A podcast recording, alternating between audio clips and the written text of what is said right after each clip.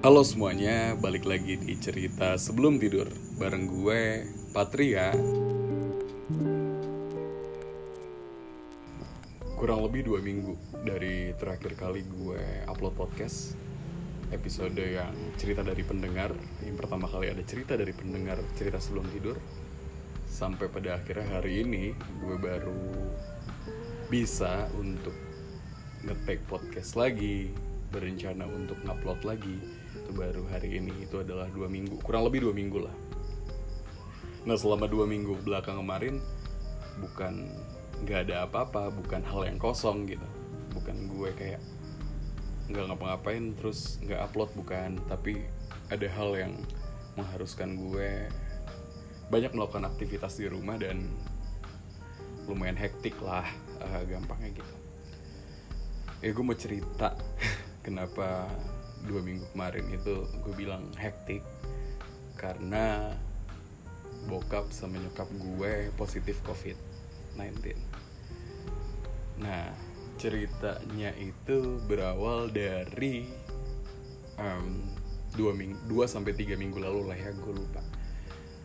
Um, tiba-tiba aja adik gue nyokap gue dan bokap gue secara bergantian uh, sakit gitu kan drop itu nggak dalam satu waktu tapi kayak gantian. Mungkin gue nganggepnya ketika itu adalah mungkin adik gue kecapean karena dia forsir fisik terus lalu kemudian uh, bokap gue kecapean ngurusin adik gue yang sakit.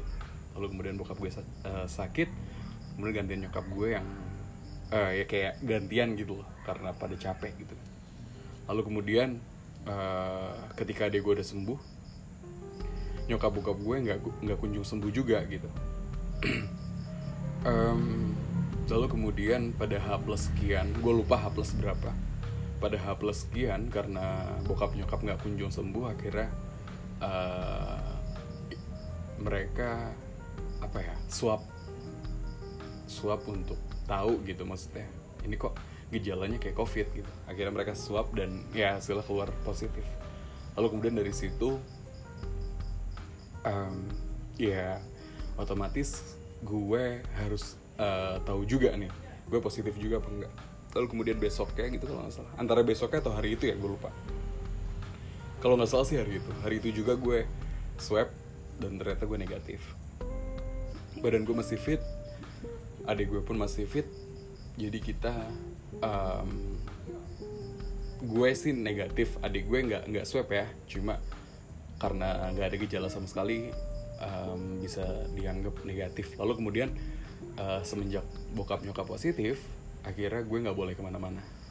Semua ucapan semua pertanyaan itu lalu kemudian muncul gitu kan dari orang-orang. Uh, gimana kondisi bokap gimana kondisi nyokap. Yang ketika itu gue ngelihatnya cukup parah gitu di awal-awal ketika pas tahu covid gitu. Kayak bokap gue uh, batuk um, batuknya tuh kayak nggak berhenti gitu. Bahkan tidur pun gue lihat bisa kebangun karena batuk saking parah batuknya gitu. Lalu kemudian nyokap gue nggak bisa nyium dan nggak bisa ngerasain apa apa sama sekali. Kayak uh, separah itu gitu. Mereka lemes badan lemes banget yang yang ya lemes gitu.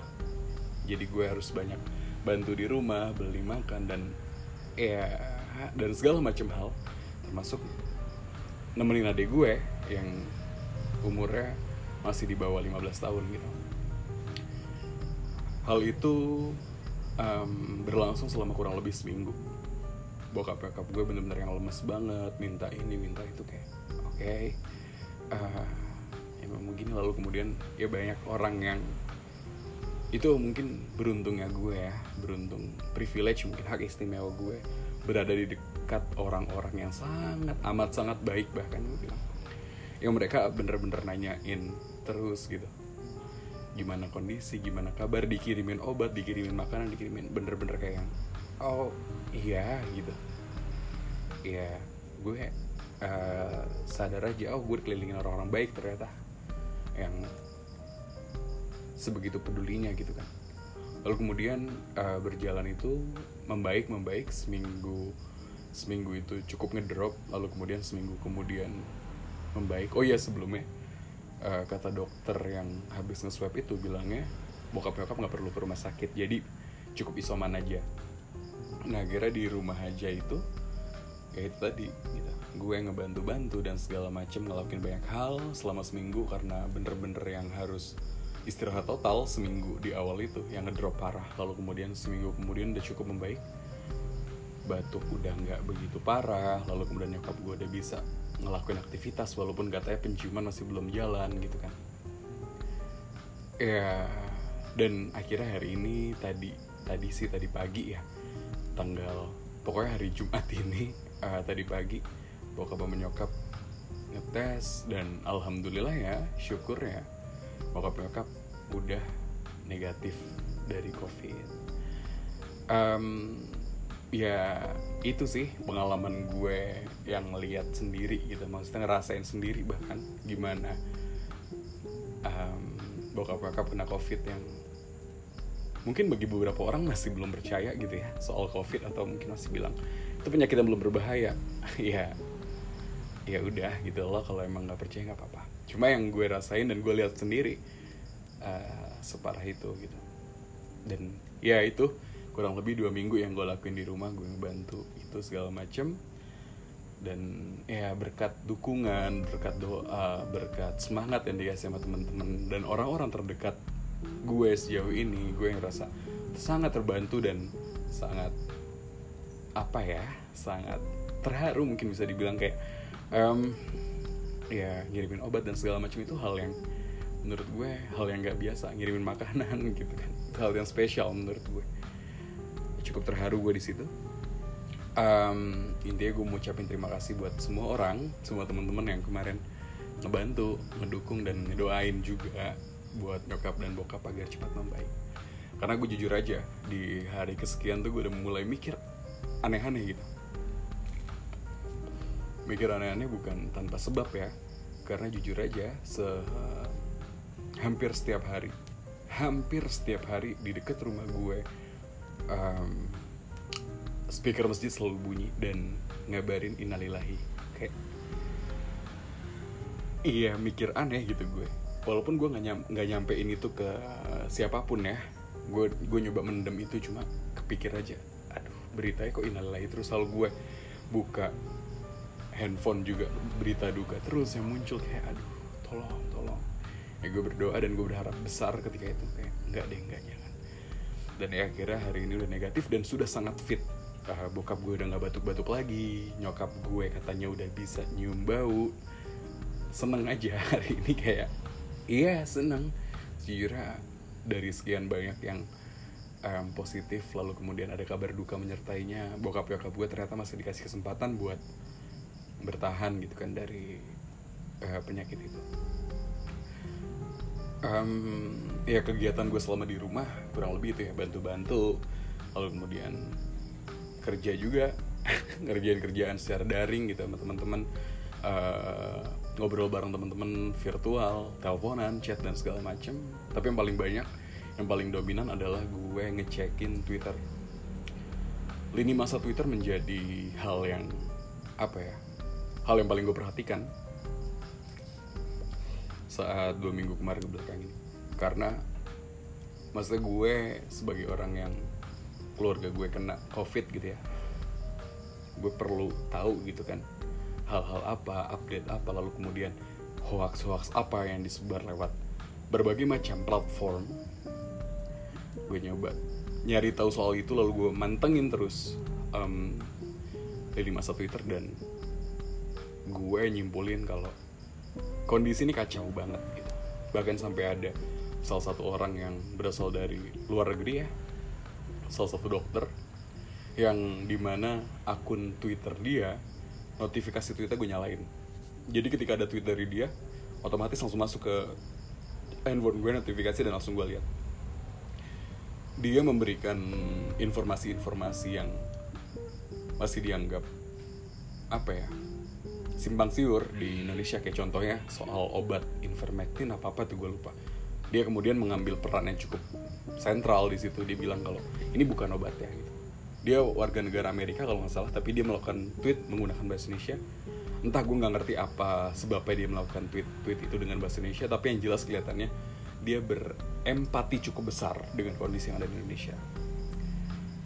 Lalu kemudian informasi-informasi itu gue coba uh, telaah dan gue lihat oh ya um, soal susu berbrand soal apa segala macem lah itu ya obat-obat itu segala macem. Kayak oke okay, um, ini kelihatannya cukup baik informasi lalu gue ikutin terus. Nah selain gue ngeliatin juga tweet-tweet dari si dokter ini gue juga ngeliatin um, lini masa twitter yang nunjukin kalau kondisi ini kacau. Kondisi ini kondisi ini parah banget. Yang yang terus dipungkiri sama pemerintah gitu dalam menangani hal ini. Gak usah dari hal yang paling besar lah ya. Uh, gue ngeliat twitter twitter soal oksigen aja. Nah untungnya kemarin bokap nyokap nggak perlu sampai pakai oksigen. Gue ngeliatnya kayak sekacau ini gitu. Ada berapa banyak berita duka yang hadir hanya karena tabung oksigen? Yang cerita tentang anak yang lagi ngantri oksigen lalu kemudian bapaknya nggak ada lalu kemudian yang harganya mahal banget. Yang kemudian di ada lagi yang digambarkan oleh Watchdog ada yang butuh ada orang banyak orang ngantri dan ditanya gitu eh ini boleh duluan nggak Arjen oh boleh. Itu sesuatu yang nunjukin banget kalau kondisi ini kacau gitu kan kacau parah gitu. Lalu ya gue men, apa ya gue juga ikut membagikan hal-hal itu. Karena orang-orang berhak tahu ini gitu. Um, kalau masih ada aja kalau masih ada orang yang masih nganggep ini semua terkendali ini semua baik-baik aja ini semua bisa kita tangani dengan baik. Itu uh, gue nggak masuk akal aja dengan pernyataan orang-orang itu. Mobil khusus pemerintah ya khususnya. Yang bilang kalau bisa dikendalikan yang bilang permainan bahasa lah segala macam yang nyebelin banget gitu ya apalagi kemarin si siapa sih? Ikut ikutan siapa sih dia? Ini ngapain ikut ikutan ngomong kayak gitu segala soal tabung oksigen intinya kondisi lagi kacau parah. Kondisi lagi kacau banget. Dan negara seakan tutup mata dengan kondisi ini. Pemerintah hanya fokus untuk mainin kata aja dan bikin buzzer-buzzer sampah yang gak guna sama sekali. Yang gak bikin pandemi ini bikin cepat berakhir juga enggak. Enggak. Buzzer-buzzer sampah itu bener-bener ngebalik ngebalik apa ya ngebalik cara pikir orang-orang aja. Kayak contohnya soal um, tweet-tweet yang di yang dicuitkan sama Mas Ai Arif ya. Ai Arif tuh ada tuh di Twitter dia salah satu wartawan Kompas. Dia nge-tweet nge-tweet cukup banyak soal covid. Dia cukup vokal soal pernah bagaimana pemerintah menangani covid. Dan dia diserang sama si buzzer-buzzer sampah ini. Yang bilang kalau kondisinya baik-baik aja dan segala macam. Fuck. Ini tuh kacau. Buzzer-buzzer ini juga seakan-akan bikin kalau semuanya baik-baik aja gitu. Lalu kemudian muncul lagi ada di lini masa Twitter tentang stop berita tentang corona. Kita perlu hidup yang lebih sehat kita perlu pikiran yang sehat jernih dan segala macam. Enggak itu omong kosong. Kalau kita terus apa ya kalau bahasanya teman-teman lapor covid dan mas Ai kan uh, ini ya uh, posit toxic positivity ya. Cuma kalau gue ngeliatnya uh, tunjukin aja realitasnya gitu. Kalau dengan ngilangin berita-berita itu bisa bikin hilang virus ini juga ya silahkan. Tapi kan ternyata enggak ada atau enggak ya berita itu virus ini tetap ada. Dan banyak orang tetap berguguran gitu. Kampanye-kampanye untuk menghilangkan berita-berita soal covid ada di mana-mana dan dan lagi viral kelihatannya. Uh, dan gue ngerasa ya gue ngerasa gue lihat gitu gue lihat poster-poster ya gue lihat uh, bentukan-bentukan ya gue lihat apa yang disampaikan dari poster-poster itu. Sebagian besar mirip dan sama kok. Dan um, overthinking gue bilang ya itu sebenarnya dari satu perintah yang sama aja sebenarnya. Dari bos yang sama aja sebenarnya cuma disebar ke mana-mana. Ya perlu banget sebenarnya negara untuk mengakui kalau mereka gagal. Masih ada waktu kok masih ada cukup waktu buat mengakui kalau penanganan ini nggak jelas gitu. Akui aja udah tapi yang dilakuin sama pemerintah malah sangat, sangat aneh. Jokowi kemarin bagi-bagi sembako dan segala macam. Hmm, itu hal yang nggak make sense. Ya kalau emang cuma mau dapat empati dari warga oke okay, bisa dengan cara itu. Cuma apakah empati warga bisa menghilangkan virus? Enggak juga. Bahkan Australia sekalipun yang notabene mereka sudah cukup taat dengan apa yang diperintahkan oleh WHO lalu kemudian uh, menangani dengan baik. Mereka melakukan lockdown lagi kok. Gitu loh. Maksudnya ini hal yang krusial dan negara masih nganggap ini sebuah hal yang enteng. Kacau. Selain berita-berita yang keparahan-keparahan tadi gue juga ngeliat berita-berita duka yang gak ada habis-habisnya gitu. Uh, dari mulai bener-bener gak ada habisnya. Bahkan siapa ya? Gue lupa. Ada satu satu bait kalimat gitu dari salah satu sastrawan. Gue lupa siapa tapi gue baca berkali-kali itu kalimat. 25 Juli eh 15 Juli apa sekian gitu ya gue lupa. Sekian Juli 2021 hariku dibuat oleh innalillahi atau kabar duka gitu gue lupa. Intinya saking parah kondisi ini gitu kan. Berita duka bener-bener di mana-mana. Dari mulai yang yang yang di dekat rumah gitu. Dari mulai yang di dekat rumah yang pakai speaker masjid sampai yang ada di WhatsApp di Twitter di Instagram. Itu bener-bener kayak nggak ada habisnya sama sekali. Terus-terusan ada aja berita duka berita duka. Dan di sisi lain ada berita-berita aneh yang masih terus direproduksi oleh orang-orang tentang ketidakpercayaan terhadap covid. Iya percaya atau nggak percaya itu terserah lo sih memang. Ya kayak Tuhan aja. Lo boleh percaya boleh enggak tapi lo percaya atau enggak virus ini tetap ada gitu. Virus ini tetap ada virus ini tetap bisa menular. Virus ini tetap bisa bikin kondisi kayak gini terus. Kalau emang dirasa um, dengan lo bilang nggak usah percaya itu cuma akal-akalan negara atau akal-akalan hal besar yang nggak bisa dijangkau sama tangan iya silahkan cuma nyatanya gitu. Lo lo harus lihat lebih jauh. Cuma ya nggak apa lo boleh percaya boleh enggak cuma yang jelas virus ini ada dengan lo percaya atau atau nggak percaya sama sekali ya silahkan. Yang bisa dilakuin sekarang buat teman-teman yang apa ya yang masih sehat yang masih masih bisa sadar dan masih bisa mendapatkan kesehatan gitu ya dengan cukup baik. Ya besar harapan teman-teman bisa bantu-bantu sih karena kondisi ini bener-bener nggak bisa ngarepin siapa-siapa lagi selain orang di sekitar kita. Nggak bisa lagi ngarepin negara. Sama sekali nggak bisa.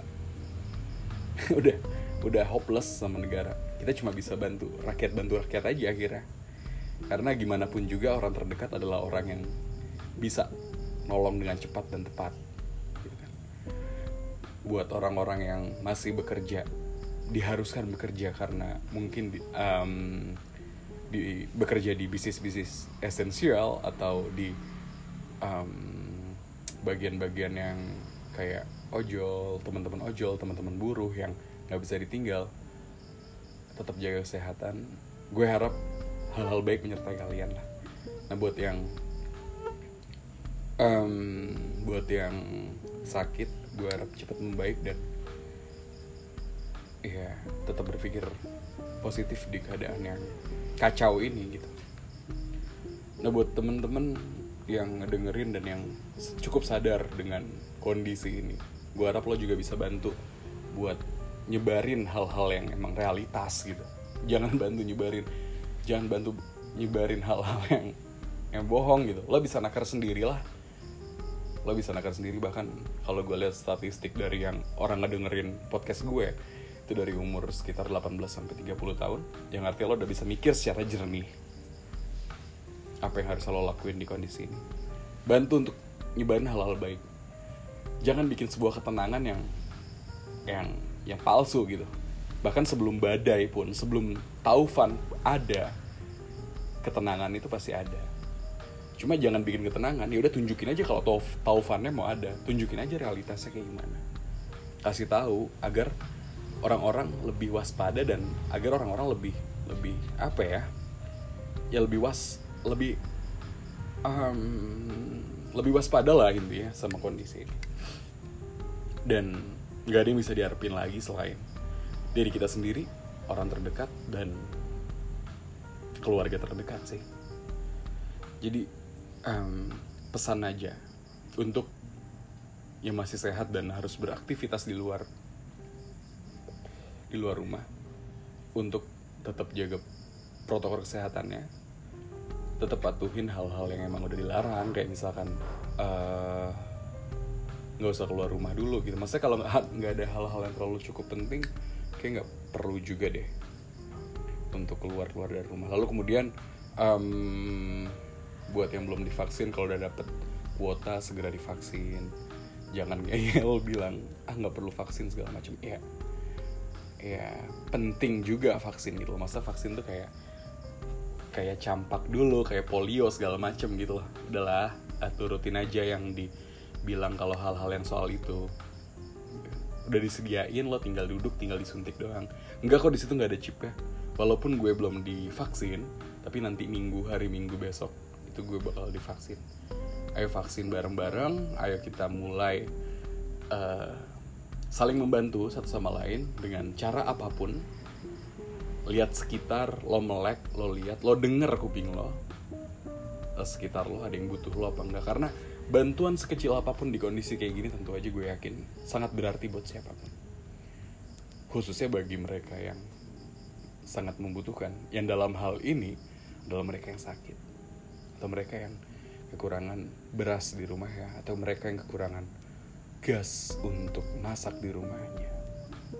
Gue bantu saling bantu karena kalau kita berharap sama orang yang ngatur negara udah nggak ada harapan yang bisa kita lakukan sekarang cuma rakyat bantu rakyat doang. Kita biarin lah permainan badut-badut itu di Jakarta. Permainan para pentas seni di sana di kantor DPR atau kantor kementerian. Biarin lah mereka. Cukup kita tahu hal-hal yang emang bisa bikin kita dan diri kita atau orang-orang di sekitar kita selamat lakuin itu. Itu sih pesan gue yang gue harap bisa teman-teman mengerti dan berpartisipasi aktif juga di kondisi begini. Ayo kita bangkit bersama untuk semua bukan untuk pemerintah. Ayo tuntaskan kondisi ini secara bersama-sama dengan berbahagia. Kita pasti bisa gue yakin. Semangat. Semoga membaik semuanya. Gue rasa cukup episode kali ini. Um, we hope you enjoy this podcast and see you in the next episode. Bye bye.